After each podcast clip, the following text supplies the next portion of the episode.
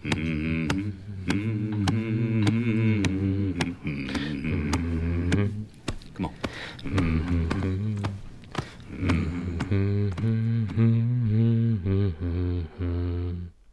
Niecodzienny nagłos, czyli wid czytanie codziennego.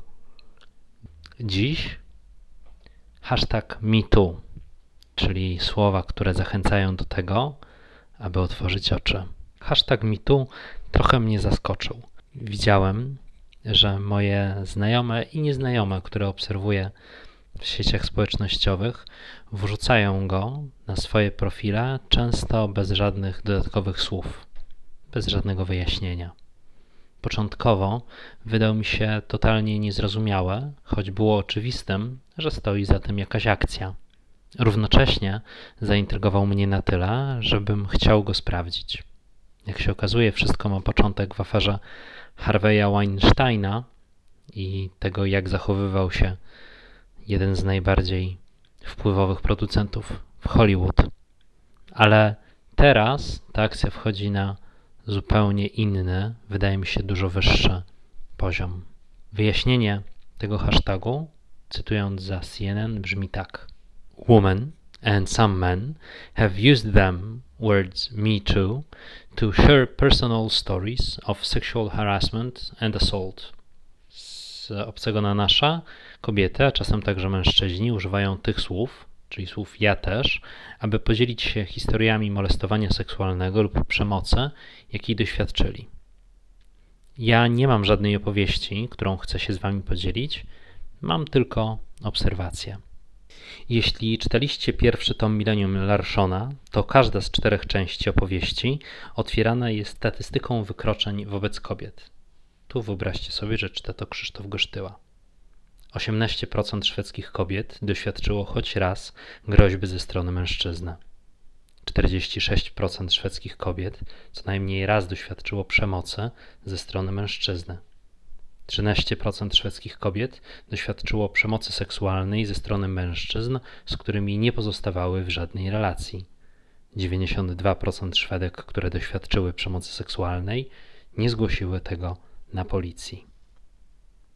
No tak, tylko że to wszystko, nawet jeśli jest prawdziwe, dzieje się w jakiejś lewackiej Szwecji albo w korporacyjnie zgniłym świecie Ameryki. Takie rzeczy nie mają przecież miejsca na naszej zielonej wyspie, w naszej krainie dobrej zmiany. Tu takie rzeczy się nie dzieją. Mi tu, ja też. Otwórz oczy. Dzieją się. Refleksja pierwsza. Jeśli przyjąć na potrzeby chwili statystyki od Larszona, a przypuszczam, że choćbyśmy bardzo chcieli, nie różnimy się w tej kwestii tak bardzo od Szwecji, to warto je trochę uczłowieczyć. Bo 46% brzmi cokolwiek abstrakcyjnie. Ta wartość oznacza, że niemal pewnym jest, że połowa kobiet ze zbioru Twoja mama, Twoja żona, Twoja siostra, Twoja była dziewczyna, Twoja córka, Twoja przyjaciółka, Twoja koleżanka z pracy została w jakiś sposób skrzywdzona przez faceta. Pomijam to, jak duża jest szansa, że tym facetem jest któryś z naszych kolegów. Twoja mama, Twoja żona, Twoja siostra, Twoja była dziewczyna, Twoja córka, Twoja przyjaciółka, Twoja koleżanka z pracy. Każda z nich z dużym prawdopodobieństwem przynajmniej raz musiała albo będzie musiała zmierzyć się z przemocą i jej efektami tylko dlatego, że jest kobietą. Nie widzisz tego, nie zauważasz, nie wiesz o tym, nie myślisz o tym, nie masz tego w świadomości. Nawet się tego nie domyślasz. Tylko to, że nie wiesz, oznacza jedynie, że nie musisz się tym przejmować. Przecież wiesz, że nie masz trzech lat. To, że zamkniesz oczy, nie oznacza, że problem zniknie. Ale tak jest urządzony świat. Tu refleksja druga. Świat mówi, że tak już jest. Więcej, świat bardzo często mówi, że to jest wina kobiety, bo się za głośno śmiała, zbyt śmiało flirtowała, miała zbyt krótką spódniczkę, wypiła za dużo, spotykała się z niewłaściwym gościem. I okej, okay, to wszystko prawda. O tyle, że tego wszystkiego kobieta powinna zapewne unikać. Ale żadne z powyższych nie jest odpowiedzią ani powodem do tego, aby miała ją za to spotkać przemoc. Wychowujemy się w świecie, w którym zanim coś się stanie, wiemy, że to będzie jej wina. Ona to wie, więc będzie wstydziła się o tym mówić. On to wie, więc jest bardziej odważny.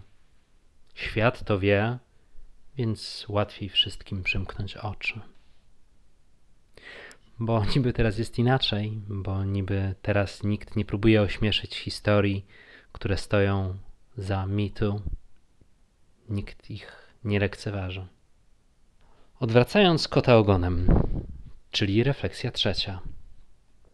Od czasu do czasu uświadamiam sobie, że choć do niego nie przystępowałem, należę do ekskluzywnego grona białych mężczyzn żyjących w zachodnim świecie, którym jeśli nie wszystko się należy, to zwyczajnie jest im łatwiej.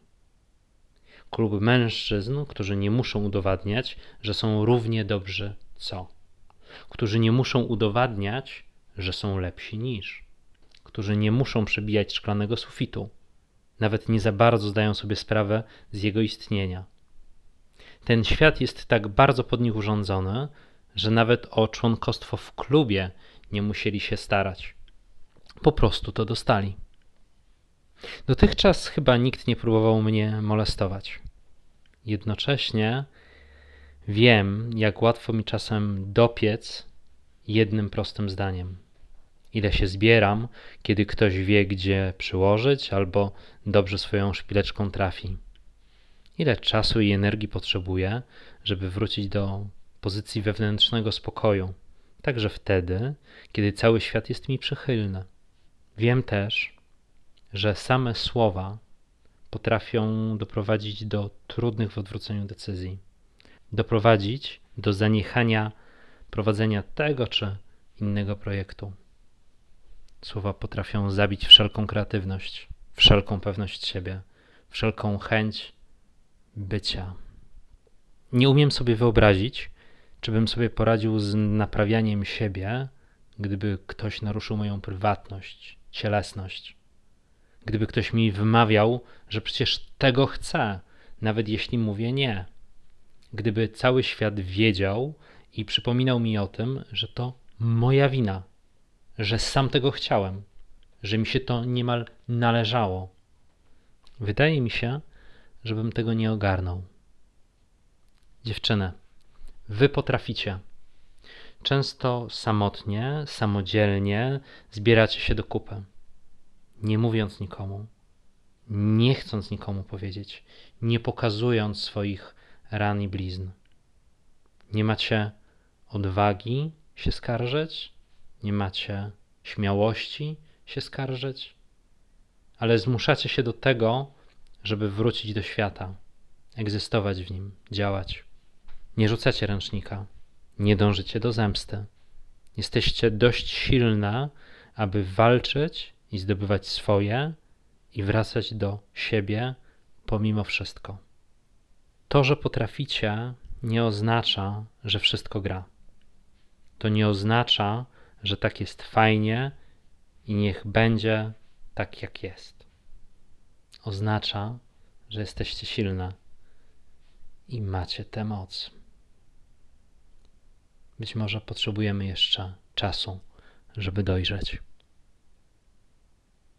Nawet, a może zwłaszcza po tym tekście, zachęcam się do tego, aby uśmiechem, słowem, myślą i gestem czynić innym lepszy dzień. Bo warto to robić z pobudek także egoistycznych, bo to wraca. Ja zaraz wracam do mruczenia, ale zdążę jeszcze życzyć Ci dobrego dnia, a kto wie, może także dobrej nocy. Do usłyszenia. Idę pomruczeć.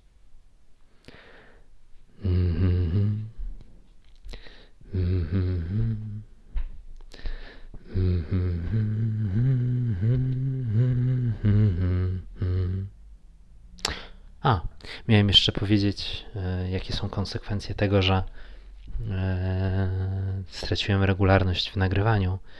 No wszystkie nawyki się posypały. Wszystkie zwroty, które już były wyćwiczone, teraz wypracowuję na nowo. Ale to niezmiennie sprawia mi frajdę. Zatem zapewne do usłyszenia. Dobrego dnia.